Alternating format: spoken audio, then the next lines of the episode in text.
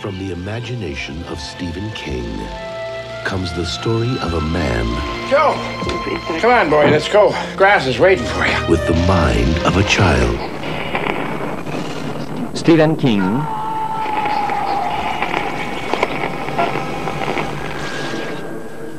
W filmie pod tytułem Kosiarz umysłów.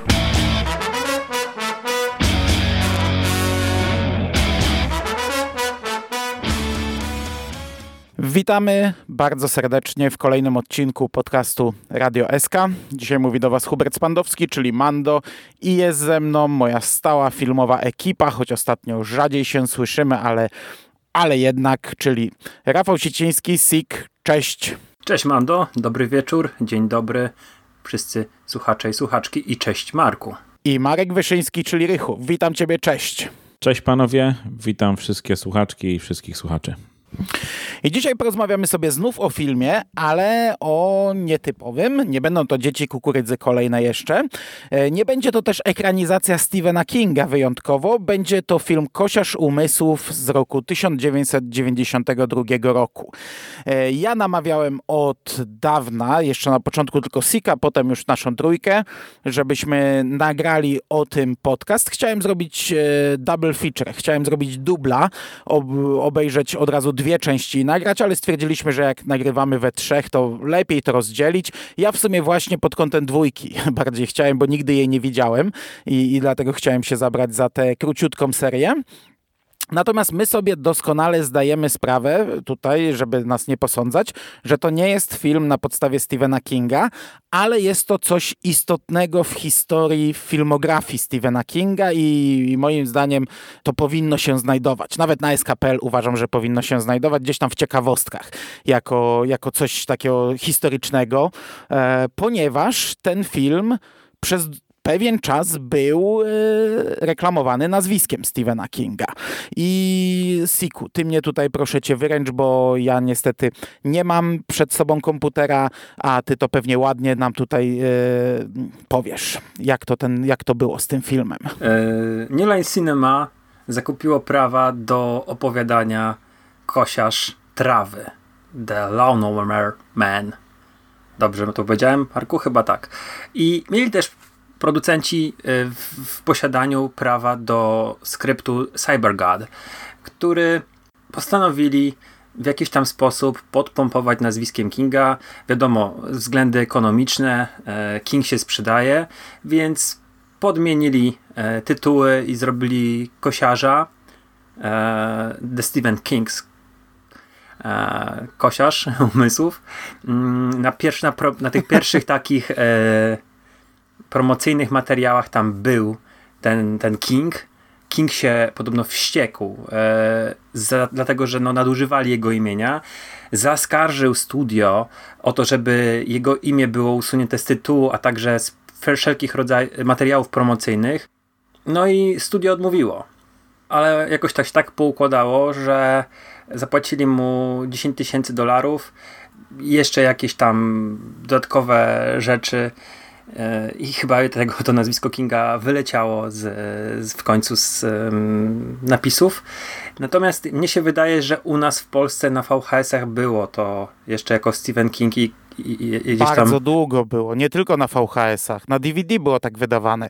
Ja akurat tych filmów nie mam na DVD, ale mm, kilka lat temu, przy czym to już ładnych parę lat temu było, były dwie gazetówki wydane w takich kopertach kwadratowych, nie pamiętam jaki, jakie to czasopismo e, dołożyło do siebie, pierwszą i drugą część i na obu była ogromna informacja e, na podstawie książki Stephena Kinga, zarówno na jedynce, jak i na dwójce. E, to było no może z 10 lat temu, ale wiesz, no, no 10 lat temu to był 20 XXI wiek i to już tak pełną gębą, ale pamiętam, że jak kiedyś w Empiku oglądałem takie wydanie białe z białą okładką DVD, mm, to tam też znalazłem te informacje. Może nie była na pierwszym planie gdzieś tam rzucona wielkimi literami, ale w, w tych nazwiskach e, gdzieś tam z tyłu na pewno się pojawiło nazwisko Stephen King, także było tak reklamowane bardzo długo. I żeby też była jasność, u nas pewne elementy, znaczy pewne elementy, yy, na Internet Database było podane, że jakaś jedna scena z opowiadania znalazła się w filmie i to jest to, kiedy chyba gliniarz mówi, że mm, brakujące szczątki tego, który został zmielony kosiarką, gdzieś tam są rozrzucone. Mm, chyba ptaki jedzą, to, to rzeczywiście to było w opowiadaniu Kinga, więc coś takiego tam przepisali. Poza tym ja osobiście będę tutaj podczas e, omawiania tego filmu mówił, że tam są pewne rzeczy, które e, może nie są z opowiadania, ale tam jest dużo takiej mm, y, jakichś takich ech twórczości Kinga. No znajduje się też między innymi sklepik, no ale to później, tak? Mhm. Ja widziałem ten film w 93 roku.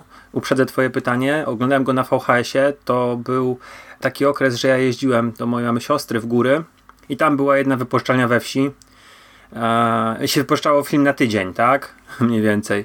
I ja ten film, mimo że on nie był dla mnie, to obejrzałem go kilka razy.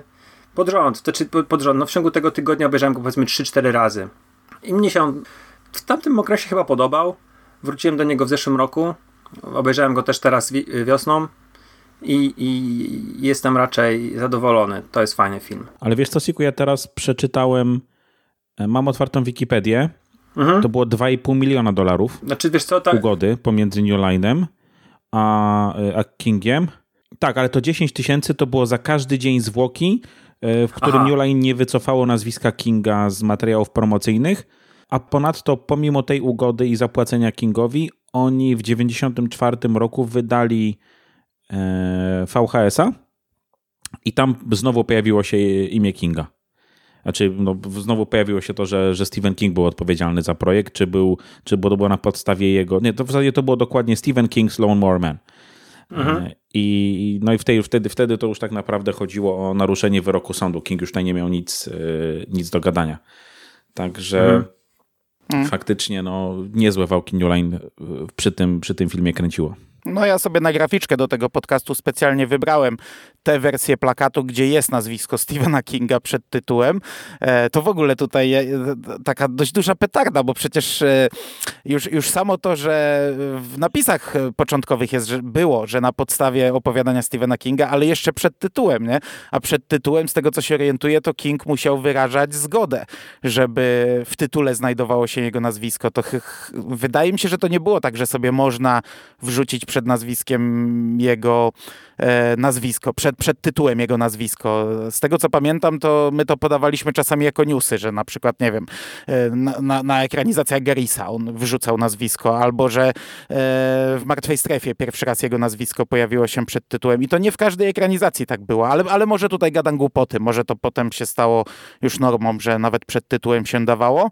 E, natomiast e, no, w, w filmie też znajduje się roznegliżowany Kosia, kosiarz, nie? Bo mamy kosiarza z klatą na wierzchu, który mhm. kosi trawnik, co prawda troszkę inny niż w opowiadaniu. E, na, natomiast dobra, dobra, nie będziemy tutaj się e, rozdrabniać. E, Marku, jak to u ciebie było z tym filmem? Czy masz z nim wspomnienia z lat 90., czy nie? Wspomnienia mam tylko takie, że w wypożyczalni, do której chodziłem, on był. On był gdzieś tam cały czas, mi się rzucał w oczy może, może teraz wymyślam, ale mam wrażenie, że to była jakaś taka czarna albo ciemnogranatowa okładka właśnie z e, Hiobem mhm, i Brosnanem na gdzieś tam, czy, czy nawet samym Hiobem i, i kosiarką. Coś takiego mi się kojarzy, ale no słuchajcie, no to było 20 parę lat temu, także mogę głupoty w tym momencie wygadywać, ale to była moja jedyna... Z... Mnie się wydaje, że na polskiej okładce było oko, ale to mogę pieprzyć głupoty. Ale oko jest na plakacie. Mm, jest y, Hiob właśnie z kosiarką mhm. nad samym tytułem, jak on idzie, widzimy trawę, widzimy chyba taki kościółek w tle, wieżyczkę i jest duże oko nad nimi. Także to wszystko jest na plakacie głównym filmu. I wydaje mi się, że polski VHS był dokładnie z plakatem. Okej, okay, no ja nie kojarzę oka, natomiast Hioba, Hioba z kosiarką, mówię, no coś takiego z tej wypożyczalni kojarzę, ale nigdy mi ten film w łapy nie wpadł. Chyba się bałem go wypożyczyć jako dzieciak bo właściciel wypożyczalni raczej nie robił problemów z, z, z, tego typu rzeczami, ale y, no nie, moja pierwsza styczność z filmem była tak naprawdę teraz. Ja na pewno oglądałem go w latach 90. Y, i pamiętam ten seans i pamiętam, że on był ciężki, bo ja nie rozumiałem wtedy y, wirtualnej rzeczywistości i, i trochę ten film no, zdefiniował dla mnie wirtualną rzeczywistość, ale ja nie rozumiałem tego do końca, czym to jest, bo ja wtedy byłem analfabetą w ogóle komputerowym w tamtym okresie, um, ale powiem wam, że nadal, to znaczy nadal mam o tyle problem, że nadal dla mnie wirtualna rzeczywistość to jest e, coś, o czym wiem, że istnieje, ale w życiu nie miałem kontaktu e, w jakikolwiek sposób, więc e, ten film no, mogę odbierać trochę inaczej, bo, bo podejrzewam, że, że wy to z uśmiechem na ustach na to patrzycie w tym momencie, na, na taki relikt przeszłości, jak to wyobrażenia były jasne, wtedy, czy nie. Jasne, ale jeszcze wróćmy do tej okładki, bo mają teraz przed oczami. Jest rzeczywiście granatowa z zielonym trawnikiem, takim tam przybrudzone ta zieleń. Jest oko i w oku jest ta kula, w której Hiob jest włożony ona, on się tak wpisuje, że jest po środku tęczówki i rzeczywiście później jest kościółek po prawej, jakieś domki po lewej. Hiob idzie z kosiarką jest kosiarz umysłu, duży, umysłów, duży polski tytuł, białym czcionką, a poniżej jest oryginalny z Stephen King's The Lone Mower Man. I wydało to w Polsce y, Eurocadr. Okej, okay, no skoro tak twierdzisz, to, to pewnie tak jest. Jest jeszcze dwa do, dobre tagliny są. Pierwszy to jest Bóg stworzył go ułomnym, komputer uczynił go Bogiem co jest bardzo spoko, a o. druga, dro, mhm. drugi jest trochę wyżej, jest lepszy. Najlepsza animacja komputerowa od czasów Terminatora 2. Okej. Okay. Okej. Okay.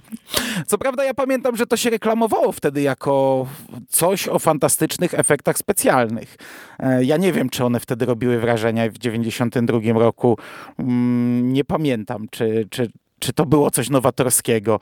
E, nie wiem, jak wy to pamiętacie. Wiesz co, wydaje mi się, że tak. Znaczy, te efekty były mm, zupełnie inne niż e, w, tutaj przywoływanym Terminatorze. No, w Terminatorze. jest cały mm -hmm. wykreowany świat w komputerze i takie rzeczy, wiesz, no widzieliśmy, nie wiem, w teledysku Dire Straits, Money for Nothing, tak, czy e, gdzieś tam takie właśnie animacje, no, było to ciekawe na pewno. Wiesz, robiło wrażenie w tamtym czasie bardzo duże, gdzie e, my mieliśmy Amigi albo Pegasusy, albo Atari i nasze komputery w życiu by taką grafikę nie potrafiły wygenerować, nawet odpalić czegoś na, na takim poziomie nie dało się.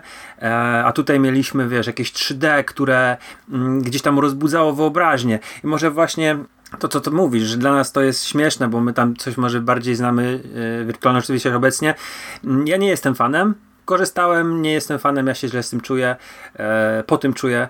Natomiast na tamtym momencie to była taka wielka fantazja na temat tego, jak ta wirtualna rzeczywistość by mogła e, wyglądać, albo takie były przewidywania tego, że co to może być.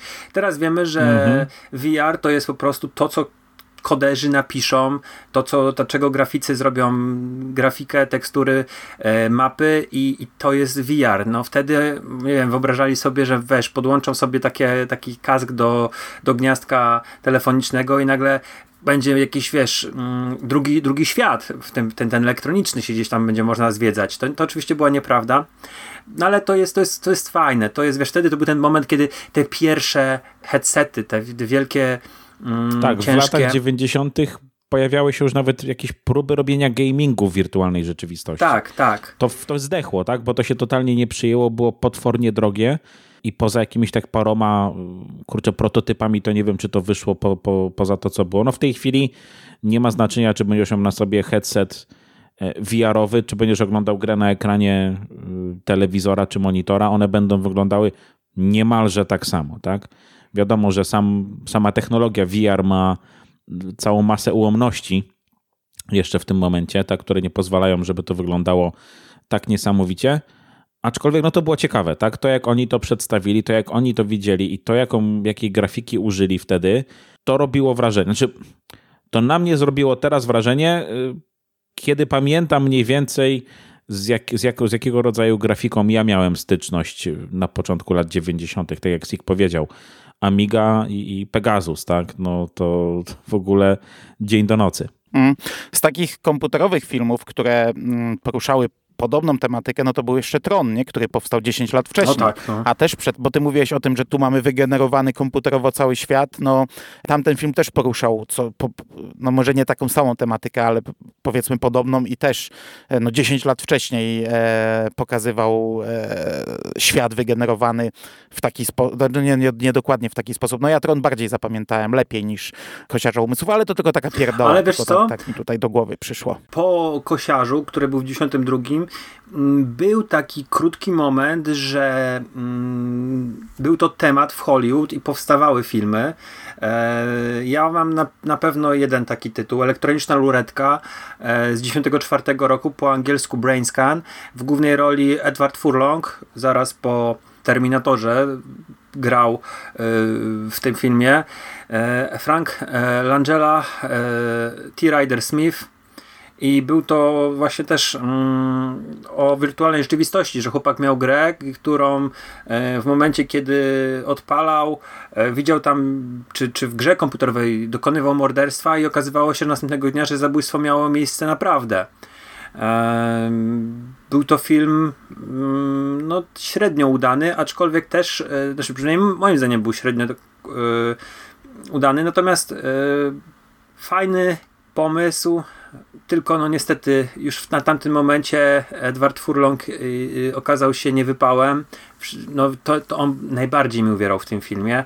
E, zresztą z materiałów dodatkowych y, gdzieś tam prezentował się jak pajac i, i, tak samo wspominają aktorzy, którzy grali z nim w tym filmie, że ten film byłby znacznie lepszy, gdyby nie on. I że był tragiczny na tym, na tym, e, na tym planie zdjęciowym. No i pamiętam, że jeszcze były jakieś tutaj w tym momencie ciężko mi sobie przypomnieć, ale gdzieś ten VR, gdzieś ta wirtualna właściwie rzeczywistość, o to ładnie nazwać, wirtualna rzeczywistość e, była tematem, była jakimś takim pociągającą rzeczą e, dla filmowców. Wyobrażenia pewnie były większe niż e, rzeczywistość. Wtedy to nie, nie odpaliło. No niestety mm, na długi okres czasu VR poszedł w zapomnienie i, i dopiero powiedzmy ostatnie 6 lat można mówić, że gdzieś tam um, staje się znowu atrakcyjny i, i, może też będzie atrakcyjny, jeżeli chodzi o, o filmy, no bo mieliśmy przecież jeden odcinek, o ile dobrze kojarzę, e, ten Black Mirror związany z VR-em, mhm. e, więc może, może mhm. gdzieś tam to znowu dla filmowców się stanie fajne. I... No teraz ostatni odcinek Creepshow też był związany z VR-em. E, trochę inaczej, bo, bo tam trumna była taka, nie okulary, tylko taka trumna z wieloma kamerami, która przenosiła w całości do filmu wybranego da, daną postać. No ale to, to, to, też coś w ten desen. Ale jeszcze wracając na chwilę do, do, do Kosiarza Umysłów, wiesz, oni tam takie mm, pokazali fajne bajery, które może się wydają śmieszne, ale y, te takie powiedzmy mm, symulujące e, motocykle, dziwne urządzenia e, były bardzo spoko. Uważam, że to był, był fajny pomysł. Te kule, które wiesz, y, y, gdzieś tam zawieszały człowieka i on mógł sobie latać, miały symulować, nie wiem, czy jakąś tam nieważkość, czy, czy coś w tym mhm. rodzaju, też były niezłym pomysłem. To nie było tak naprawdę jakieś głupie od czapy. No, nawet same te headsety moim zdaniem wyglądają tak, fajnie, bo, super bo te dzisiejsze się no. dużo nie różnią od, od tamtych sprzed 20 par. Okej, okay, są mniejsze, e, ale, ale idea, idea jest ta sama. To wygląda mniej więcej w ten sposób. E, tam jest cała masa innych rzeczy, które wydaje mi się komiczne i mam wrażenie, że nawet wtedy e, była pewnie komiczna z jakby technicznego punktu widzenia, ale akurat to, co się działo, kiedy oni wchodzili do tej wirtualnej rzeczywistości, w nie samym VR-ze, tylko jakby na zewnątrz, tak jak to było faktycznie zrealizowane, e, było super, mimo tego, że no było czuć, że tam w wielu innych miejscach budżetu trochę brakuje w tym filmie, to tutaj był. Pierce Brosnan nagrywał też podcasty, nie? W tym filmie. No, na, tak, na tak, ekranie tak. miał wielki napis recording, nie? Tak i ten film e, był hitem, no, trzeba to powiedzieć, że on, on nie był jakimś niewypałem na, na poziomie właśnie tej elektronicznej ruletki, e, o której mówiłem wcześniej, tylko przy budżecie mm, 10 milionów dolarów on zarobił na całym świecie ponad 150 milionów. W USA 32 miliony, a poza USA y, 100 prawie 20. I z tego, co tutaj mam w notatkach, to on też y, no, w niektórych krajach był wyświetlany pod innym tytułem, pod tytułem Virtual Wars, e, między innymi w Japonii. Także myślę, że on był e, no, no jakimś tam sporym wydarzeniem. Nie wiem, czy na tamten moment to nie był najbardziej kasowy film Stephena Kinga. Tylko, że nie był filmem Kinga, nie? No. A widzisz, a on walczył, żeby usunąć swoje nazwisko z tego filmu. No kurde, głupi. I możliwe, że na tamten moment to był też jeden z lepszych filmów Stephena Kinga. tak uważam. No, no, ale dobra, to przejdź do, tej, do, tej, do tego, co chcesz powiedzieć, czyli pewnie wersji reżyserskiej. Co, nie, jeszcze nie, bo jak, jak już przejdę do wersji reżyserskiej, to już bym o fabule, w fabułę jak już wejdziemy, mhm. bo ja to sobie bym porównał tak na szybko. Natomiast zanim do tego przejdziemy, bo znów to nam zejdzie gdzieś na sam koniec, to przez nazwiska chwilę przejedźmy. Mhm. Co prawda ja reżysera i scenarzystów nie znam w zasadzie. Reżyserem jest Brett Leonard, scenarzyści dwaj, właśnie reżyser i E, Gimel Everett. Ja, ja nie znam tych panów, także o nich się nie wypowiem. Wcześniej zrobili jeden film, The Dead Pit, Trupi Loch. Mm-hmm. E, to mm-hmm. była ich pierwsza wspólna produkcja, później zrobili razem Kosiarza. Mm, Brad... No Everett na tym w zasadzie zakończył, potem jeszcze chyba coś producentem był jakichś filmów, ale chyba już nic więcej nie zrobił. Natomiast sam Brett Leonard zrobił dwa, wydaje mi się, fajne e, filmy. O właśnie, tutaj tak, pierwsza krojówka Diabła to był film z Jeffem Goldblumem i z Silverstone. Nie wiem, czy kojarzycie, taki fajny horror thriller. Nie. Jeżeli nie, to możemy sobie go kiedyś obejrzeć i, i, odświeżyć i, i, naprawdę pamiętam, miałem bardzo dobre wspomnienia. Niekoniecznie pamiętam fabułę, ale same takie odczucia. Natomiast później zrobił Virtuosity, yy, zabójczą perfekcję yy, z Denzelem Washingtonem.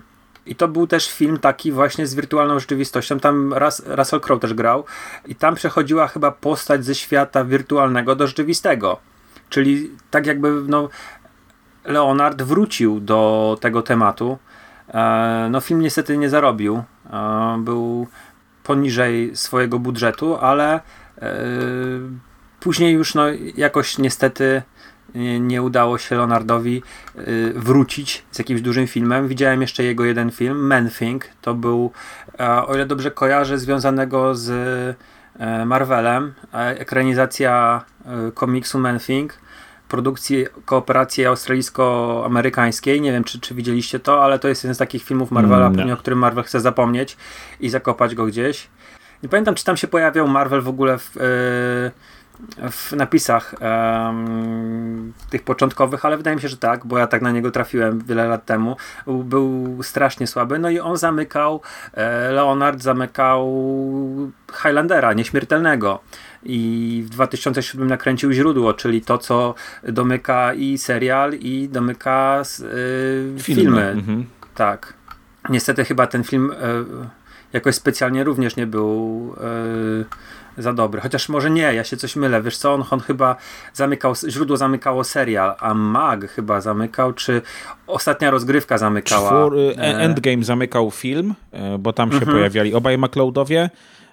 Tak, a Highlander 5 to był właśnie źródło, to było zamykało tak, serial. Zamykało serial, ale no Christopher Lambert już wtedy nie żył, tak? No bo mhm. Connor już nie żył, żył Duncan bodajże, tak? A to temat bardziej na Konglo niż na, niż na Radio SK. E, dobra, natomiast aktorsko ten film jest e, bardzo dobry. No. no. Mamy Pierce'a Brosnana, który gra tutaj doktora Lorenza Angelo, e, no czyli późniejszy Bond i można by wymieniać. Ja co prawda jakimś wielkim fanem jego chyba nie jestem, no ale to jest duże nazwisko i to było wtedy duże nazwisko. Mamy w drugiej głównej roli Jamesa Faheya, nie wiem jak to Jeffa. się czyta, który gra Jeffa, Jeffa, tak jak mówisz, Jeffa, znów to nazwisko muszę powtórzyć, Faheya, mm -hmm. który gra Hioba Smitha. E, Smitha.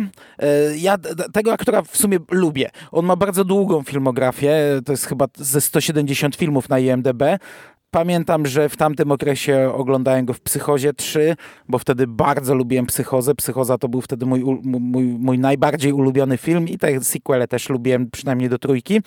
E, on grał w Lost, grał Franka Lap Lapidusa od, -hmm. od bodajże czwartego sezonu, -hmm. pilota takiego. No i można by też wymieniać i wymieniać. E, bardzo fajny aktor.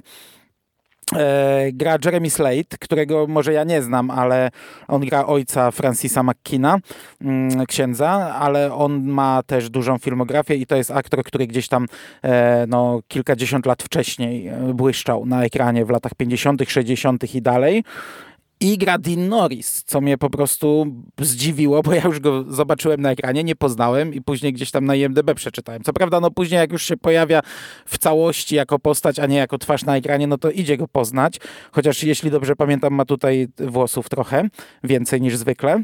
Gra tutaj dyrektora tej firmy całej. Ja go skojarzyłem od razu, bo to, to ale to pewnie dlatego, że sobie Jak przypominałem... twarz na ekranie pierwszy Tak, raz? ale wiesz co, ja sobie przypominałem ostatnio całkiem sporo fragmentów Breaking Bad na YouTubie. Po prostu gdzieś tam z nudów e, od jednego do drugiego skakałem, więc e, jakby no od razu go poznałem, tak?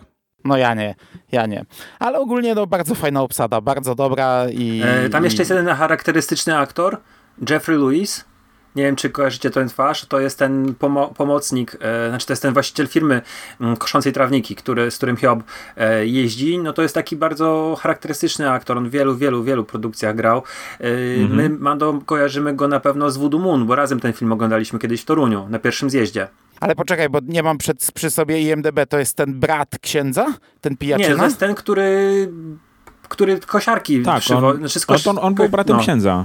On był bratem Aha, okej, księdza. dobra. No to on grał też w miasteczku Salem, Tobiego Hoopera grał e, grabarza. No, no Tango i Cash, Maverick, y, bardzo, bardzo wiele y, różnych ról. Często No filmografię też ma przepotężną. y, grał w, y, też u, u Roba Zombiego, grał u, u East- Eastwooda, także naprawdę sp- spoko, spoko aktor. Dobrze. No to przejdźmy do fabuły i do... Ja, ja trochę powiem o wersji reżyserskiej, w, gdzieś tam w trakcie może, albo nie wiem, czy już teraz, bo... A w sumie mogę już teraz, bo ja wersję reżyserską obejrzałem dzień po dniu w zasadzie. Obejrzałem jednego dnia kinową, drugiego dnia włączyłem sobie reżyserską, przy czym to już było grubo ponad miesiąc temu, e, ale mniej więcej pamiętam. Ta reżyserska różni się długością o 39 minut mniej więcej, czyli to jest dużo ale powiem wam, że tego prawie nie widać na ekranie. Ja sobie specjalnie obejrzałem dzień po dniu, e, żeby, żeby porównać i w zasadzie jest jedna taka bardzo długa scena, którą to się różni. Mm, Gdy w tej kinowej wersji zaczyna się to od e, ucieczki tej małpy, od buntu małpy, która zabija tam kilku strażników i zostaje zastrzelona w kinowej wersji i wtedy mamy telefon do Pierce'a Bros Brosnana, Ta że... małpa miała imię i nazywała się Rosco. No to w reżyserskiej to jest, to trwa chyba ze 20 minut, ponieważ ta małpa nie została zastrzelona, tylko postrzelona i ona uciekła z tego ośrodka i właśnie trafiła do Hioba. I, I go znalazła, namierzyła go, sprawdziła, e, zobaczyła, że on jest dobry, że nie ma złych zamiarów i, i z nim zamieszkała w tej chatce przez chwilę. On myślał, że to jest postać z jego komiksów e, i później wszystkim opowiadał, że e, postać z komiksów z nim zamieszkała, ale ktoś tam, nie wiem, doniósł, nie pamiętam jak, jak to dokładnie było i pełno, wiesz, tych, tych, tych, tych, najemników, tych e, ludzi zbrojnych z tej firmy przyjechało, otoczyli ten domek e, i zastrzelili tę małpę. I, to, to była dużo dłuższa wersja i w sumie za tę małpę właśnie e, ksiądz dał mu karę i, i w kinowej wersji to się tak zaczyna w pewnym momencie, że wchodzi ten e, brat księdza i mówi, o, mój brat znów dał ci jakąś karę, nie? O, widzę, naprawiłeś kosiarkę. To to wszystko było w reżyserskiej. To jest bardzo długie, to trwa za 20 minut i to jest taka największa zmiana w, w tym filmie. Mm, Natomiast e, co jeszcze, to znaczy zmieniono e, naukę Hioba, e, poszerzono ją, ale to są zmiany niepotrzebne. W tym sensie, że e, jest to tak bardziej, wiesz, podbudowane, jest pokazane dużo scen, jak on siedzi na tym fotelu z takim jednym okularem i patrzy w te ekrany i, i nie wiem, w dwie godziny nauczył się jakiegoś języka, poznał historię całej ziemi i tak dalej. W kinowej wersji jest chyba jedna czy dwie takie sceny, tutaj jest tego dużo więcej, jak on te wszystkie tam płyty wkłada kolejno i, i, i te wiedzę przyjmuje. Natomiast jeszcze jedna taka rzecz, która jest zmieniona, to e, postać, e, nie wiem, czy żony, czy dziewczyny e, doktora Pierce'a Brosnana. Żony. W Caroline. kinowej wersji ona po prostu, on, żony, ona, ona w pewnym momencie, scho- to w ogóle jest taka dziwna scena, bo ona schodzi w kinowej wersji i mówi, że od niego odchodzi, że za chwilę ma samolot i jedzie na samolot, a on tam pije sobie whisky czy coś tam i wywalone ma na to, nie? Ona wychodzi i to jest koniec, jej więcej nie ma w tym filmie. E, natomiast w reżyserskiej wersji była dużo dłużej. To, to była w ogóle inna scena, bo ona schodzi na dół i nie mówi, że od niego odchodzi, tylko mówi, że umówiła się z koleżankami i wychodzi, a on za nią wybiega i wróć do mnie, krzyczy, nie, za samochodem biegnie i wtedy jest taka rozmowa z sąsiadką, z matką tego dzieciaka, o którym też nie powiedzieliśmy. On grał przecież w bohaterze ostatniej akcji, e, ten, ten chłopaczek.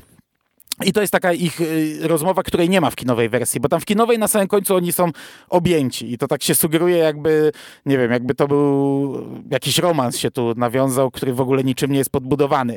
No tutaj te, w reżyserskiej wersji ta rozmowa gdzieś tam nam sugeruje, że oni e, tak jakby trochę może się ku sobie mieli. Natomiast ta, ta mm, żona doktora, ona się przewija przez cały film, pojawia się w różnych scenach, bo ona wraca i normalnie z nim jest i w końcówce Hiob ją e, przejmuje kontrolę nad jej umysłem, tak jakby. I jak jest ta scena, gdzie e, przyjeżdżają agenci pod dom e, Brosnana, i, I tam się zamieniają w te kuleczki, i tam ta wielka głowa e, tego Hioba się pojawia przed domem, i Brosnan to wszystko widzi w tych okularach VR. To, to jest tutaj przedłużone, że on widzi na początku oczami swojej żony, że ona wychodzi, strzela do nich, zabija kilku, oni zabijają ją. To jest e, taka dużo dłuższa scena, natomiast to jest wszystko. Więcej nie ma w tym filmie, nic dodane, zakończenie jest identyczne, także w zasadzie te, ta reżyserska wersja, pomimo tych 40 minut dodanych, ona nie ma żadnego innego wydźwięku. Ona rozbudowuje trochę postać Hioba, przedłuża tą całą jego przemianę, ale to jest niepotrzebne, bo według mnie Kinowa zrobiła to e, całkiem sprawnie. Dodaje tę pierwszą długą scenę z małpą, która jest tak naprawdę głupia i, i niepotrzebna i za długa. W ogóle jak tam Hiob wychodzi z tego swojego domku, to jest tak jakby, jakby wiecie, ptaszki śpiewają, słoneczko świeci, on taki idzie sobie taki, taki głupiutki, taki dobry, dobry człowiek i ta małpka wtedy na niego patrzy, skanuje go i oj, ty jesteś dobry, możesz mnie zabrać ze sobą, nie? to wygląda tak, tak głupio, nie?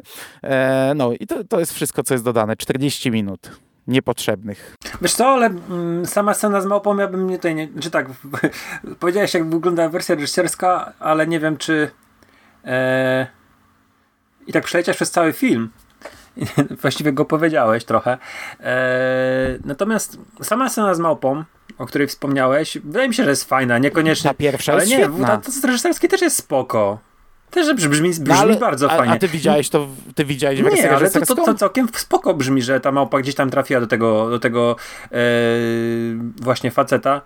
No ale to trwa 20 minut. Okej, ale to wiesz, jest długie. to jeden jest z moich takich długie. zarzutów wobec tego filmu, że e, no, lekarz, doktor, profesor wybrał sobie gościa, który kosił mu trawnik, żeby robić na nim eksperymenty. E, tak po prostu, wiesz, z, z tyłka.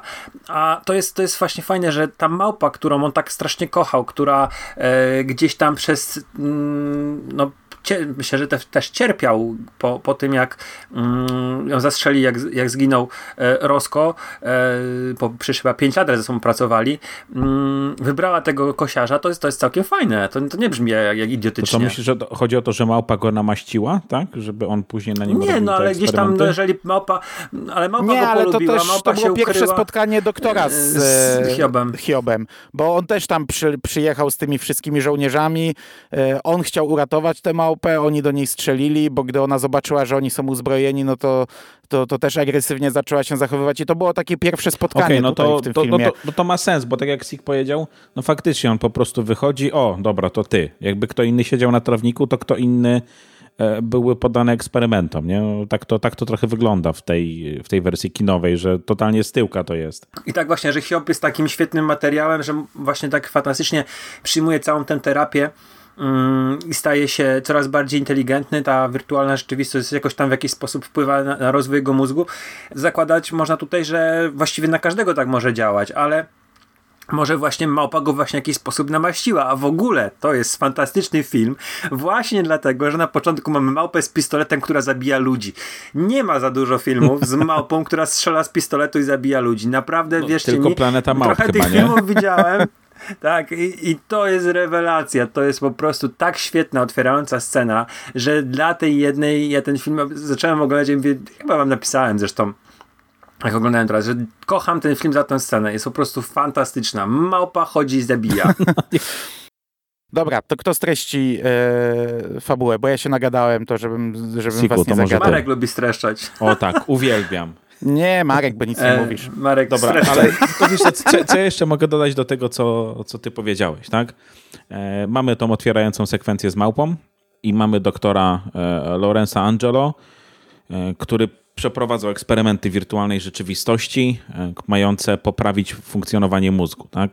I z tego, co wy- wychodzi z filmu, on ma bardzo altruistyczne e, e, pobudki, chce leczyć no, różnego rodzaju schorzenia mózgu, ale firma, dla której to robi, sponsorowana przez rząd, e, ciśnie bardzo o to, żeby też jakby robić z tych, e, z tych, tych subject, kurde, brakuje mi polskiego słowa, ale z jakby z tych... Obiektów. e, Z obiektów, Obiektów. eksperymentów robić, e, robić w zasadzie idealnych żołnierzy, tak? No i ta małpa się wydostaje i mamy, mamy tą masakrę w tych w różno, w różnych wersjach. E, No i po tym, jak y, po, tej tragedii on w zasadzie chciał. On, I teraz powiem wam, że mog, mogę się y, pomylić. On chce ciągnąć y, te eksperymenty dalej, ale z wyłączeniem tego tak zwanego projektu 5, czyli tego skupionego na agresji. I na własną rękę angażuje Hioba, chłopaka, faceta, który kosi mu trawnik. No bo on chyba odchodzi Tak. z pracy, nie? Chyba odchodzi stamtąd i po prostu teraz home office, nie? W Tak, domu tak, zaczyna tak, to tak. robić. Bierze kolesia sprzed Wy- domu i wykrada zaczyna na nim testować te, te podstawowe Tak, rzeczy. z- Za Nie? delikatnie go e, mu pomogę, bo on jest e, lekko mm, opóźniony, ten e, Hiob. No i to zaczyna przynosić efekty. I on tymi efektami dzieli się ze swoim byłym pracodawcą i dzięki temu może już korzystać z, ze sprzętu dostępnego teraz PSI, to się chyba ta firma nazywa, poprawcie mnie, jeśli się mylę. E, może korzystać ze sprzętu d- dostępnego w PSI, a w tym samym czasie jego, e, jego szef, porozumiewający się z kimś, kto nazywa się The Director, granemu właśnie przez Dina Norrisa, podmienia e, próbki, czy w zasadzie podmienia kod programu i leki, którym jest faszerowany Hiob, e, właśnie włączając go do tego projektu 5, czyli do tego skupionego na, e, na agresji. No i co, dalej to już może nie będę mówił, bo już tak naprawdę zdradziłbym resztę, tak? No gówno trafia w wiatrak, trzeba tutaj powiedzieć. Gówno no, trafia w to- y, wiatrak, dokładnie. Jest, jest źle. Hiob zaczyna mieć zdolności nadprzyrodzone i to się dzieje bardzo szybko, no ale one później idą w nieciekawą stronę. Dokładnie. W zasadzie robi się z niego taki X-Men trochę. Telepatia, telekineza. No tak jak ten tagline z, z tego VHS-a, tak, że yy, no, no, wręcz boskie jakieś tam moce, moce ma. Komputery uczyniły go Bogiem. Em, no i ta gdzieś tam jego chęć ciągłego, jakby to powiedzieć ładnie, poznawania świata wirtualnego i przejścia właściwie całkowicie do tego wirtualu e, później ma, ma miejsce. Próbuje się gdzieś tam przedostać e, do tego VSI. No i mamy wielką rozpierduchę na końcu. Tak jest. No i po drodze mamy jeszcze motyw zemsty. Seks. Jeszcze seks, jest. Oczywiście jest seks, jest seks z... Bo się okazuje, że jest fantastycznym kochankiem. Tak, z sąsiadką, która żadnemu nie odpuści, e, co pada w filmie. E, Znaczy sąsiadką, dziewczyną, u której kosi trawnik. No i. Jenny no i- Wright w tej, w tej roli. Tak jest.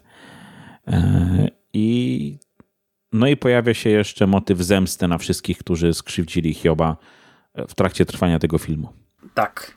I mówisz o tym motywie zemsty i ja wspomniałem, że tutaj w tym filmie są pewne echa e, twórczości Kinga. I e, ja powiem wam szczerze, że ten film całkiem nieźle wpisuje się w ogóle w jakąś taką filmografię jego, w jego e, tematy takie przewijające się przez, yy, przez jego twórczość, bo po pierwsze mamy doktora Lorenza Angelo, Pierce Brosnan w tej roli, który jest e, Alkonem, który gdzieś tam się zatraca, ma problemy z żoną i znajduje jakiś cel i pomaga chłopakowi, który jest upośledzony, który jest tam wykorzystywany przez e, księdza, znaczy nie w sensie może fizycznie, ale, ale e, gdzieś tam znajduje jakiś cel w życiu i, i zaczyna popadać w taki pracoholizm E, mamy jakieś takie małe sąsiedztwo z jakimiś grzeszkami. Nie no, fizycznie też jest bity, nie? Nie, nie no tak, fizycznie, bity, nie tak, seksualnie, tak, ale, w sensie ale seksualnie, no. Tak, jest bity, jest zbity. Masz rację. E, mamy jakieś tam sąsiedztwo, takie małe, e, gdzieś tam zarysowane problemy w domu obok, gdzie jest ojciec despota, który pierze dziecko i matkę. E, mamy jakąś tam stację benzynową, gdzie jest jakiś gnojek, który naśmiewa się z Hioba. Mamy gdzieś tam jakąś właśnie nimfomankę, sąsiadkę, która, tak jak Mando, Mando Rychu powiedziałeś, nikomu nie odpuści. No jest taka mała jakaś taka społeczność, która jest całkiem nieźle zarysowana i która powiedzmy, niektóre sceny, które oglądamy w filmie, mają echa właśnie z książek, są echem z książek, scen z książek Kinga. Druga rzecz, pojawia się sklepik, ta organizacja, dla której Pierce Brosnan pracuje, ona się nazywa VCI, ale później pada to słowo, że pojawia się sklepik. Ten ale to pada wielokrotnie sklepik, w, trakcie, tak, w trakcie filmu, to The Shop Agenci pada sklepiku, wielokrotnie. The Shop, tak. Yy, I to jest podejrzewam, że zaczerpnięte z właśnie między innymi podpalaczki. Um, także widać, że ten reżyser ze scenarzystą chcieli, próbowali przynajmniej w scenariuszu gdzieś to, e, skoro mają to, to, to nazwisko Kinga, to chcieli jak, jak chyba w jak największym stopniu gdzieś to wpasować. Mm, bo, bo to żaden CyberGuard wcale nie był e, scenariuszem tak napisany, tylko właśnie jak już wiedzieli, że będą tym sygnować ten scenariusz, no to próbowali coś zrobić i moim zdaniem to wyszło bardzo spoko te wszystkie sceny, które dzieją się w miasteczku wokół doktora Lorenza, wokół tych wszystkich jego sąsiadów, yy, czy te akcje ze sklepikiem, były naprawdę bardzo fajne. Znaczy, słuchajcie, ja bym to kupił absolutnie jako, jako, jako Kinga, naprawdę. Gdyby tam było trochę więcej, yy, gdyby tam się trochę więcej złego działo, yy, albo trochę więcej, gdyby, nie wiem, Hiob bardziej poszalał, ja bym to absolutnie kupił jako jako jakby historię, którą stworzył King, tak? I nie miałbym z tym żadnego problemu, naprawdę. Wiesz, wystarczyło jeszcze miasteczko nazwać jakoś, nie wiem, e, Castle Rock, wystarczyło dać jedną postać z Kinga, dogadać się z nim i mu, w dzisiejszych czasach powstają takie rzeczy. No powstał serial Castle Rock, który nic nie ekranizuje i, i ma mikrozwiązek z twórczością Stephena Kinga, także to można No tak, było... ale akurat jego, jego to King produkuje, nie? Także, także on tam jest bardzo mocno chyba umoczony w ten serial. No wiem, no wiem, no a tutaj, tutaj tylko nazwisko wzięli. Ale no kurczę, kłócić się o opowiadanie kosia trawy mm, chyba, tylko, chyba, chyba tylko z takiego powodu, że widzowie, którym się film spodobał, sięgną po opowiadanie i, i zrobią wielkie what the fuck. No, no, tak. bo, no bo naprawdę kłócić się o to opowiadanie przy tak kasowym filmie, który tyle zarabiał i który z, mógł zrobić taką reklamę. Mm, no, no ale wiadomo, no. jaki King jest, jeśli idzie w ogóle o ekranizację, o ekranizację jego twórczości. Ma być wiernie, nie musi być dobrze. No ja wiem, też trochę rozumiem, no, no to nie była żadna ekranizacja, nie? Widzimy echa, potrafimy tutaj dostrzec, że jest trochę kingowe, no ale to no, nie była ekranizacja, więc on, on, jako młody pisarz, wtedy jeszcze dosyć młody, no to, yy, no, to, no, no, to się wkurzył, nie? No, no, czyli to jakoś tam też zrozumiałe, no oczywiście. Dobrze, ja wam powiem, że mnie się ten film oglądało całkiem spoko. Mhm. No obejrzałem go dwa razy w ciągu dwóch dni, więc to już o czymś świadczy. Ja trochę z obawami podchodziłem, bo mówię, no zapamiętałem go jako tak, tak po pierwsze, no taki trochę właśnie w, lat, w tych latach 90. niezrozumiały, trochę ciężki film. Po drugie, obawiałem się, że te efekty będą wyglądały koszmarnie, strasznie teraz, ale oglądało mi się to nieźle. I, I to wszystko, o czym wspominasz, te wszystkie wątki um, obyczajowe, przemiana Hioba, bo ona jest całkiem fajnie zrobiona. No teraz mówię, teraz może już mi się zacierać y, jedna wersja z drugą. M, m, tutaj Rychu powiedział, że bardzo szybko to następuje w e, tym filmie, um, ale i tak to jest fajnie zrobione. No, od takiego naprawdę takiego, takiego głupola w ogrodniczkach, e, potraganego, który żre tam gdzieś kanapkę pod drzewem, e, stopniowo przechodził przez przez to, to, to takie ciacho, a potem e, człowieka zatracającego się w tych swoich mocach i to zarówno fizycznie ta przemiana była dobrze zrobiona, jak i, e, jak i psychicznie, no, w sensie e, to, co się dzieje z tym bohaterem. Także po, po, pod tym kątem dla mnie całkiem spoko. Mhm. A ja miałem, powiem wam, bardzo przyjemne odczucia, jak oglądałem go jesienią i tak samo jak oglądałem go ostatnio. Natomiast y, jedna scena um, zrobiła na mnie duże wrażenie. Nie wiem, czy domyślacie się, która, ale zastanawiam się, jak ją odbierałem, jak byłem dzieckiem. Jak wiesz, oglądałem go w wieku 8-9 lat. Mówisz o cyberseksie? Y, o cyberseksie, o właściwie o cybergwałcie. Mhm e, który był dosyć taki, nie wiem, że jakiś dyskomfortowy, ale był dosyć mocną sceną. No to jest e, mocna dziwną. scena i znaczy ja, ja, nie wiem, czy ja bym jako dzieciak, znaczy nie, nie zrozumiałbym tego, na bank bym tego nie zrozumiał. Ja chyba, tego nie, chyba tego nie zrozumiałem, e, bo teraz miałem taki właśnie lekki zgrzyt z nią. Ona była fajnie uzasadniona, e, tak jak powiedziałem, no tutaj Hiob e, czegoś, czy powiedzmy jakby to ładnie nazwać, poszukiwał pewnych nowych wrażeń, mm, niekoniecznie zdając sobie sprawę, że tak mi się przynajmniej wydaje, że kogoś krzywdzi, bo tam chyba e, nie było do końca jakoś tak pokazane, że on chciał, chciał ją zgwałcić, tylko po prostu nie do końca zrozumiał, nie no, on, on, e, co się dzieje, nie? On popłynął, zresztą później był jakby wystraszony, wiesz, smutny. Jakby on, był, on żałował tego, co zrobił. To było widać zaraz w tej następnej scenie, kiedy on znaczy wyskakuje. ona się przeraziła tego świata mhm. ogólnie, bo bo na sam seks to by się zgodziła bez problemu, ale ten świat zaczął ją jakoś oklejać, ona się przeraziła tego i chciała wyjść mhm. z tego, nie? E, ale w ogóle, no przecież on ją zniszczył w tym filmie, bo tak jak mówicie, no zaczął, o, e, szybko się okazało, że jest super kochankiem, ale zaczął jako gość, który nigdy nie całował kobiety, nie wiedział co robić. Tam przecież jest scena, jak on ją łapie za pierś, mówi miękkie, a ona ręka w dół twarde. I, i, i, po, I mamy na początku ten, ten super seks między nimi, ale potem on zaczyna czytać w myślach, zaczyna jakieś e, spełniać jej fantazję, a potem, ale to też nie wiem, czy było w wersji kinowej, potem on tam w ogóle ją do szaleństwa doprowadza.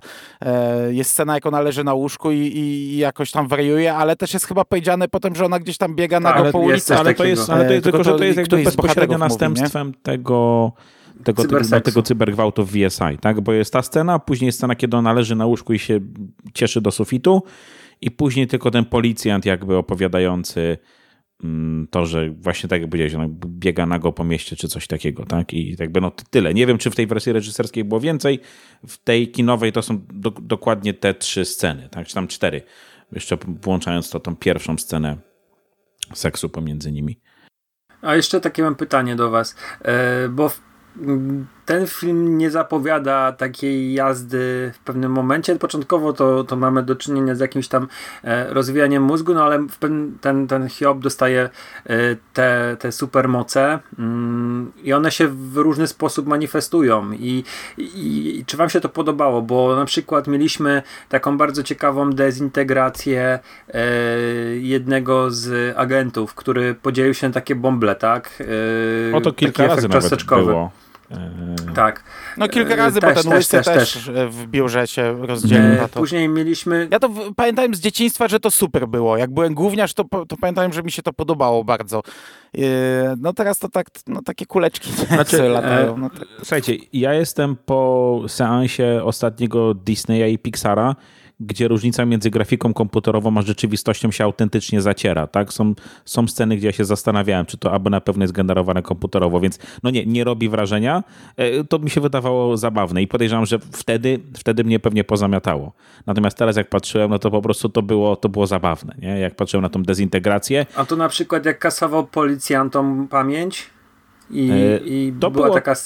To było fajne. No to znaczy ma wrażenie taki trochę element komediowy y, y, w tym momencie. Taka strefa mroku trochę, nie? Tak. Mm, później były te osy, które mi się akurat chyba nie podobały. I scena ale... spalenia księdza, która mnie totalnie mm. nie podeszła, yy, Aha. bo jakby... Mógł no, być prawdziwy no. płonący człowiek. dokładnie, bo to już w kinie to już było dziesiątki razy pewnie, tak? Coś takiego, a tutaj zrobili takie kiepskie CGI, gdzie ten ksiądz jest przezroczysty on płonie i widać, że to jest po prostu coś nałożone na klatkę i widzisz wszystko, co jest z tyłu za nim w tym kościele. Ten ołtarz tam z tyłu widać i tak dalej. No to mm. mnie strasznie gryzło, jak, jak, jak na to patrzyłem. No jest jeszcze scena z tym kolesiem z, ze Oj, stacji tak, benzynowej, gdzie on e, kosiarką jakby mu kosi mózg, nie? Gdzie, gdzie tam... No to jest kosiarz umysłu w tym momencie, nie? Dokładnie. I to w sumie fajne, nie? Wymazał mu, z, zrobił z niego, nie wiem, takie... Mm, nie wiem, czy to politycznie poprawne warzywo, nie? Eee, Tylko ten mózg jest taki wściekle no, czerwony no, to, w tej scenie. Wizualnie może to nie jest no, wizualnie to może nie wygląda pięknie, ale w sumie fajna scena. Ale tak sobie myślę, no to, to, to rozwalanie na te kulki wizualnie może nie wygląda, ale to też jest coś jest. fajnego, nie? Że, że człowiek e, jeszcze jest świadomy tego, że się rozpada nie? i wirują -hmm. już te mhm. jego e, fragmenty, a on jest cały czas świadomy i, i, i krzyczy i, i, widzi, co się dzieje, aż się nie rozpadnie całkowicie. Nie? No te takie duże efekty, one nie wyglądają jakoś szałowo, nie? jak mamy tą wielką głowę żółtą przed domem albo właśnie te osy, palenie księdza, ta kosiarka, to wszystko nie wygląda dobrze, ale pomysły są ok, no plus to wdzieranie się do umysłu, mhm. nie? gdzie najpierw Hiob zdradza, bo, bo słyszy mhm. myśli e, doktora i, i, zdradza i zadaje pytania, a kto to jest. Nie? I wtedy ten też zdaje sobie sprawę, że on czyta w myślach, a, e, a potem, gdy widzi, że on coś przed nim ukrywa i, i chce mu wyszarpać te, te informacje z głowy. No to jeszcze powiedzmy sobie, jak wam się podobała gra aktorska, bo wymieniliśmy, jacy aktorzy grają, ale e, nie oceniliśmy ani e, Jeffa za rolę Hioba, ani Brosnana za rolę Angelo. E, jak ich oceniacie? To był fajny duet? Sprawdzili się? Fejki mi się bardzo podobał. Naprawdę, ta, ta jego przemiana to było fajnie zrobione, zwłaszcza w momencie, w którym on już jest tym szaleńcem. E, to mi się podobało, także jakby fejki przez cały, przez cały film, tak. Natomiast Brosnan, e, kurde, ja mam wrażenie, że on się jeszcze wtedy mocno uczył grać. E, I on jest albo wkurzony i wtedy śmiesznie zaciska zęby, albo jest jakiś taki przejęty trochę, jakby mu się kupę chciało. Jakby Brosnan mi totalnie w tym filmie nie leżał, naprawdę. Ja go, znaczy wiadomo, ja go kojarzę z, y, y, głównie z Bonda y, i Remingtona Steela, pewnie jak, jak, jak wiele z nas. Natomiast też w paru filmach ostatnio miałem okazję oglądać Brosnana, gdzie on już jakby no, już jest Irlandczykiem. Bardzo, bardzo fajnie to wygląda, gdzie już faktycznie ani Amerykanina, ani, Bryt, ani Anglika nie gra. I, I, bardzo mi się fajnie ogląda Brosnana teraz, natomiast w tym filmie Brosnan mi cholernie nie leżał. A Fejki jak najbardziej. A ja z nimi nie miałem, nie miałem problemu. Ja z nimi nie miałem problemu, ale też jakoś mnie tam na glebę niczym nie rzucił. E, Fejki dużo fajniej. E, ta postać mi się podobała. Dla mnie Brosnan lepszy niż e, w worku kości, to na pewno. No tak. E, więcej luzu, więcej luzu, w ogóle taki um, mówisz, że, że miał dwa, dwa tryby. Ja w ogóle tego nie odczułem. Ja, ja, ja trochę tak widziałem właśnie takiego wychodzącego alkoholika, który znalazł jakiś nowy e, cel w życiu i wpada z jednego nałogu, czyli alkoholizmu w drugi, czyli w pracoholizm. Um, bardzo, bardzo spoko Fejhi fantastyczny. To jest po prostu rewelacyjna kreacja e, od początku do końca.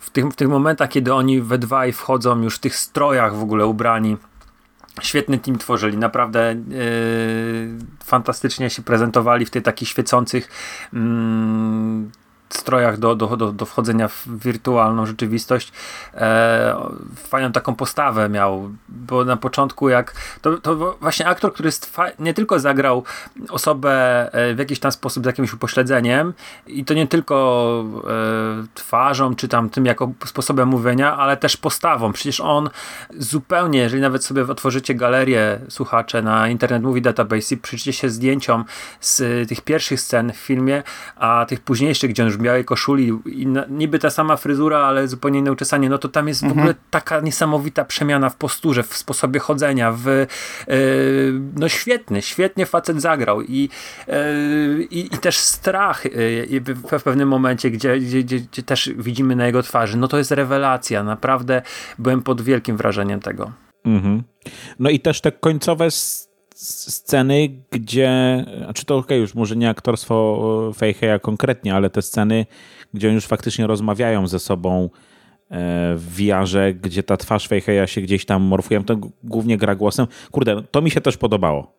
Jakby mm. przy całej przaśności tych efektów z dzisiejszej perspektywy to też było mega fajne i mówię, no to też jakby plus, plus dla Feiheya, nie? Za to, ile on mógł zrobić w tej scenie. Tak. Oczywiście.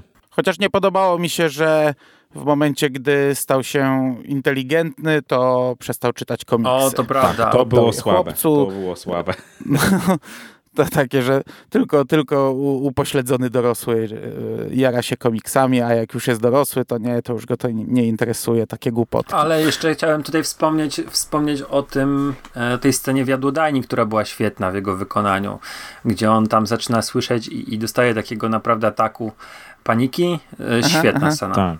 Co prawda jakby sama jej realizacja mi się nie podobała, bo tam się po prostu co obraz rozjeżdżał trochę, nie? I za każdym razem jak on miał te problemy z, z jakimiś myślami wdzierającymi mu się do mózgu, e, to po prostu tak jakby, kurde, nie wiem, kamerzysta ze zarobił, nie? E, e, na, tak trochę, trochę wyglądało, to mi się średnio podobało. Także mówię, no widać, widać po prostu trochę taniości w tym filmie, ale, no mówię, po, poza tym mówię, no fejki, kurczę, no zdecydowanie najjaśniejszy punkt całego filmu. Reszta jednowymiarowa, bo taka miała być, tak? Miały, miały być, miały być czarno-białe postaci i, i dokładnie takie są. Ale w ogóle wychodzi nam mega pozytywny podcast, a ten film był przez krytyków no, właśnie też się dziwię. strasznie zjechany. Naprawdę. On, jak się wejdzie na Metascore, to on ma na poziomie 40 paru, jestem przekonany i nawet jak przeglądałem sobie oceny e, znajomych, to no nie, nie, nie, nie za bardzo. Komukolwiek się podobał. 29, a nie, sorry. 29 to ma dwójka. E, sprawdzam właśnie meta. E, ładuje mi się, zaraz wam powiem, także kontynuuj. Ale widzę, no, że, że nam przypadł do gustu i mam nadzieję, że ten, ten nasz optymizm, te nasze e, gdzieś tam wyszukiwanie jego zalet spowoduje, że, że słuchacze sięgną po ten film, bo on jest dostępny, on jest dostępny na DVD, tak jak Mando wspomniał, to się gdzieś na pewno znajdzie. VHS-y są do kupienia, jeżeli ktoś chce z VHS-u go obejrzeć.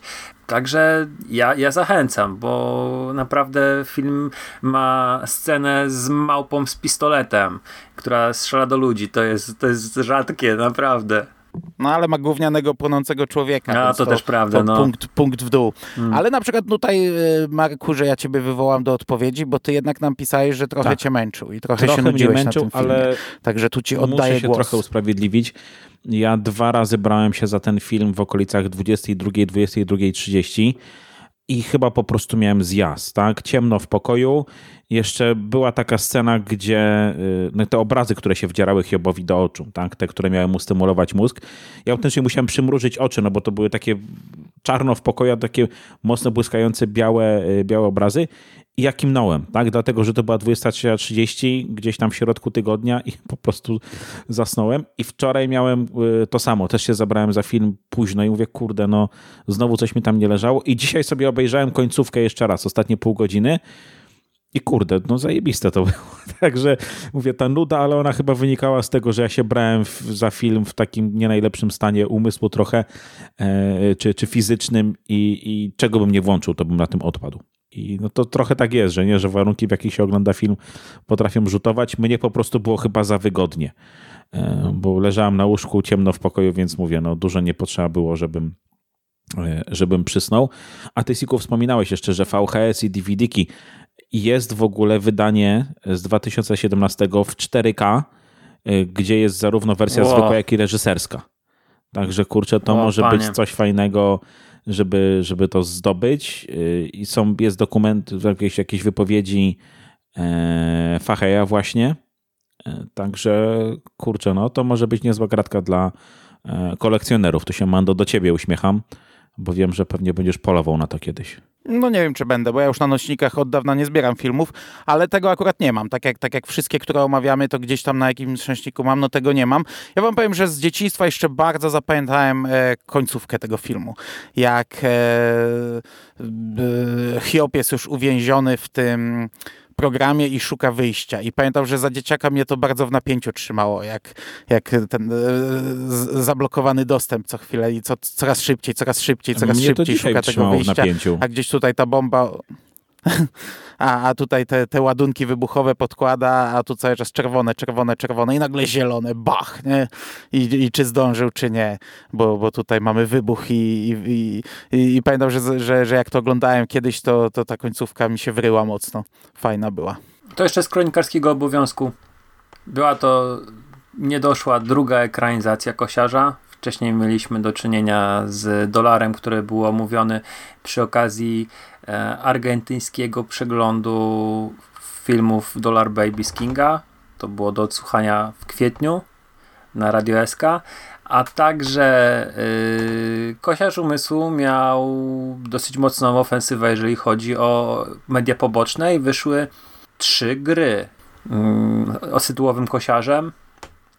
Jedna na konsolę, jedna na, na komputery stacjonarne i na Sega CD, która wykorzystywała klipy z filmu i jeszcze do, do tego dostał sequel Cyber War właśnie na komputery PC i na PlayStation. Kurczę, ja się właśnie gdzieś wyczytałem, nie wiem, słuchajcie, może to nieprawda, ale że w ogóle Grant Morrison był zamieszany e, w, w sequel.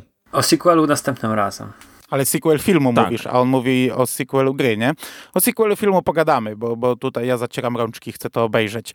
Eee, no, ja się nie dziwię, że to opowiadanie nie było ekranizowane więcej razy, bo, bo nawet mnie dziwi ta pierwsza, chociaż o niej już sobie porozmawialiśmy w odpowiednim podcaście i, i no, no, amatorskie podejście ok, ale e, kinowy film na podstawie tego opowiadania no, niemożliwym jest, żeby powstał. Mm, to opowiadanie też było z, adaptowane do komiksu. Marvel wydał kiedyś. Ja mam ten komiks e, w domu. Kiedyś go omówię, bo cały czas mnie gdzieś tam trzyma, żeby. Znaczy, mam, mam taki plan, żeby z Jerrym omówić stare komiksy. E, kończąc chyba już. Podobało nam się i chyba nie ma sensu tutaj robić większego podsumowania. Chyba, że coś chcecie dodać na koniec. Małpa z pistoletem. No. Niech będzie. No, a w reżyserskiej wersji masz e, w świetle dziennym małpy z pistoletem, no ale właśnie w świetle dziennym ona w tym kostiumie to, to wygląda słabo. W reżyserskiej wersji też masz chyba jest taka rzecz. E... Ale nie, jest Aha. taka. Ja widziałem zdjęcie, gdzie Hiob trzyma ją na rękach i ona trzyma pistolet w ręku. To super jest zdjęcie. No bo on do niej mówi tam e, Spaceman czy coś, e, ten bohater komiksu. On potem nawet jest scena w tym barze, w którym potem ma tę wizję, gdzie dzieciakom opowiada, pokazuje komiks i mówi, ten koleś był u mnie wczoraj w domu, bo tam ksiądz zatuszował to wszystko, wiesz. To wszystko zostało szybko zgłoszone i, i ta cała firma zatuszowała, także w mieście nie wiedzą, że tam doszło do strzelaniny. I on mówi, ten gość był u mnie w domu, nie? Tam opowiada, patrząc na te komiksy. Ale też w tej reżyserskiej wersji jest scena, jak Brosnan rozmawia z księdzem czy może wypożyczyć, no, cudzysłów tu kreślę, Hioba do, do właśnie pracy, do badań. To nie jest tak tylko, że go zgarnął z trawnika, ale jeszcze idzie z księdzem e, przeprowadzić rozmowę na ten temat, czy, czy, czy on może do niego przychodzić, nie? E, no, ale chyba nie ma tej sceny z kolei w reżyserskiej wersji z tymi policjantami tej rozmowy, tak mi się wydaje, bo ona była, z tego co pamiętam, kretyńska. Oni tam jakieś kanapki żarli czy coś i, i ona była taka komediowa chyba, ale może teraz już mylę nie wiem, czy pamiętacie. Nie, no dobrze mówisz. Sami powiedzieliście, że jest komediowa, że on tam im tak wykasował trochę jak ze tak, strefy tak, mroku tak. tę pamięć. I oni na początku mówili coś, a później, wiesz, nagle zaczęli zmieniać tak, tak, to zdanie. Wypadek, nic się nie stało. A, to, a to ja mogłem tego w ogóle nie załapać, że on w tym momencie im kasuje. Nie, on się na nich bardzo intensywnie patrzył w tym a, momencie, kurde, także dobra. to ewidentnie on. Mhm to ja, to ja tego chyba nie załapałem. Ale na swoje usprawiedliwienie mam, że też w nocy oglądałem i plecy mnie strasznie bolały i się z łóżka nie mogłem ruszyć. Dobra, dobra. Oglądamy sequel i sequel też tutaj kiedyś omówimy. Sequel, który nie ma już nic wspólnego z Kingiem, ale na niektórych nośnikach w Polsce był nim reklamowany, także e, z, e, jest to też jakiś tam, no, no, no trzeba omówić sequel, trzeba. Szczególnie, że go nigdy nie widziałem, więc nie wiem totalnie czego się spodziewać. Dziękuję wam panowie za tę rozmowę. Dzięki również. Dzięki. I do usłyszenia w przyszłości. Cześć. Hej. Cześć. Daźni Stephena Kinga jest historia człowieka. Jump! Chodź, chłopcze, trawa na ciebie czeka. O umyśle dziecka. Tak, cyborg. Przyszedł się ze mną zobaczyć. Cyborg, tak mówisz? Tak, cyborg. I lekarz. Rzeczywistość wirtualna to klucz do zwykłego ludzkiego życia. Z wizją przyszłości. Mam w domu grę, może chciałbyś w nią pograć.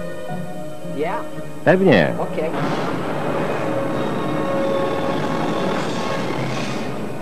Niedobrze mi poszło.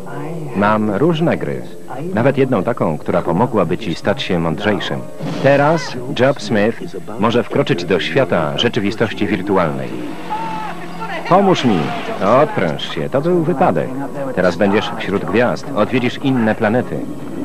Jego mózg jest jak czysta, głodna gąbka. Właśnie zdałeś do następnej klasy. To naprawdę ty? Zmieniłeś się.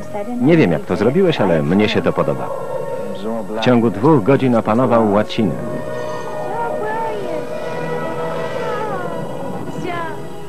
Świat z nieograniczonym horyzontem wynalazków może nagle obrócić się do góry nogami. Czy zdaje pan sobie sprawę, doktorze, że moja inteligencja przerosła pańską? Wyobraźnia stała się rzeczywistością. Wchodzisz mi w głowę. Nie może pan niczego przede mną ukryć, doktorze. I rzeczywistość. Nie mamy pojęcia, co on zrobi. Jest cała w twoim mózgu. Stephen King